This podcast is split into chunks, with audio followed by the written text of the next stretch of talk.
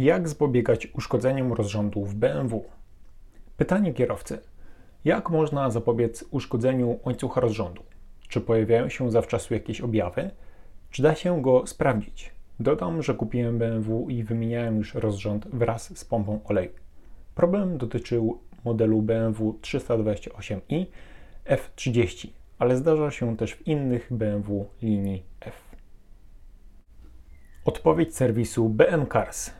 Ze strony użytkownika jedyna możliwość zapobiegania uszkodzenia łańcucha rozrządu to stosowanie odpowiedniego oleju silnikowego 5W przez 30 lub 5W przez 40, specyfikacja LL04 oraz jego regularna wymiana co 15 tysięcy km.